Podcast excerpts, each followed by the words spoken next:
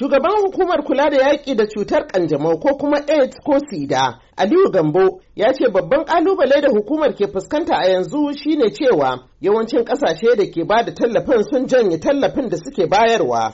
To duk lokacin da aka ce abu taimako ne, to ka san cewa ba na dindindin ba ne ba. Musamman ganin abin da ya faru da sakamakon da muka samu yanzu shine akwai mutanen da suke ɗauke da ƙwayar cutar kanjamau din a cikin jama'a waɗanda su sun kasa fitowa su gwada kansu su ma san ko suna da akwai ko ba su da shi wasu kuma sun gwada sun san suna da akwai ba su iya zuwa su ɗau magani dalili saboda tsangwama da kyama Amma duk da wannan ƙalubale yawan masu ɗauke da ƙwayoyin cutar ya ragu daga miliyan uku zuwa miliyan ɗaya da rabi. A nan Aliyu Gambo ya ba da hujja. Dalili saboda magungunan da mutane suke sha waɗanda suke tasiri sosai wajen batar da cutar daga cikin jini. In cuta ta bata daga cikin jini ba a yawan yaɗa ta a cikin mutane. Sannan kuma maganin yana hana mutane cutar ta lalata musu jiki ko ta lalata musu garkuwan jiki.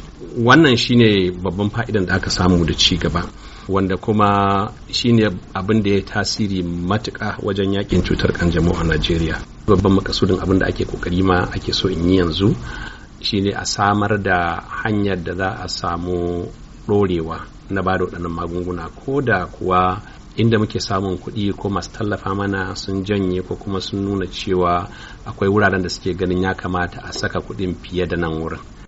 Aka samu wannan nasara? Ga Aliyu Gambo da ƙarin bayani. yana ɗaya daga cikin abin da muke aiki tukuru a kai mu tabbata cewa mun fitar da wani abu wanda zai kasance akwai kuɗi ko da yaushe wanda yake za a iya sayan magani magani ba zai yanke ba sannan kuma abubuwan da ake buƙata don tabbatar da maganin sun isa wuraren da ya kamata a amfani da su su ma ba su yanke ba. Na tuntuɓi shugaban ƙungiyar Umma Support for HIV AIDS ɗan Juma Abdullahi koya suke tafiyar da masu neman taimako a daidai wannan lokaci ga abin da yake cewa. Yanzu maganan da ake ciki mutane da ke fama da ciwon ƙanjamau suna cikin wani hali abin da ya kamata a yi shine ya kamata a zo nan najeriya. Akwai masu kuɗi wanda za su iya taimaka ma irin waɗannan mutane saboda su ci gaba da zaman lafiyan da suka saba da shi.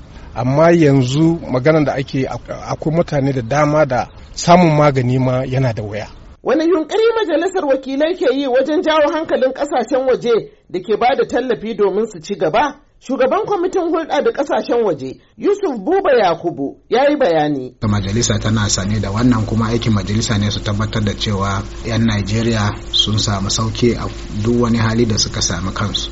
To na tabbatar ana aiki a kai kuma za a tabbatar an ci gaba da samun tallafi daga ƙasashe daban-daban na duniya kuma yin akwai dokoki wanda ya kamata majalisa ta yi domin a ƙara samun sauƙi ma wanda suke da wannan cuta wannan kwamiti za ta kawo a majalisa a duba a yi aiki a kanta. Abin jira a gani shine irin ƙoƙari da hukumar kula da yaƙi da cutar kanjamau za ta yi wajen haɗa kai da majalisar ƙasa domin a ci gaba da yaƙar cutar. Madina Dauda, sashen Hausa na muryar Amurka daga Abuja, Najeriya.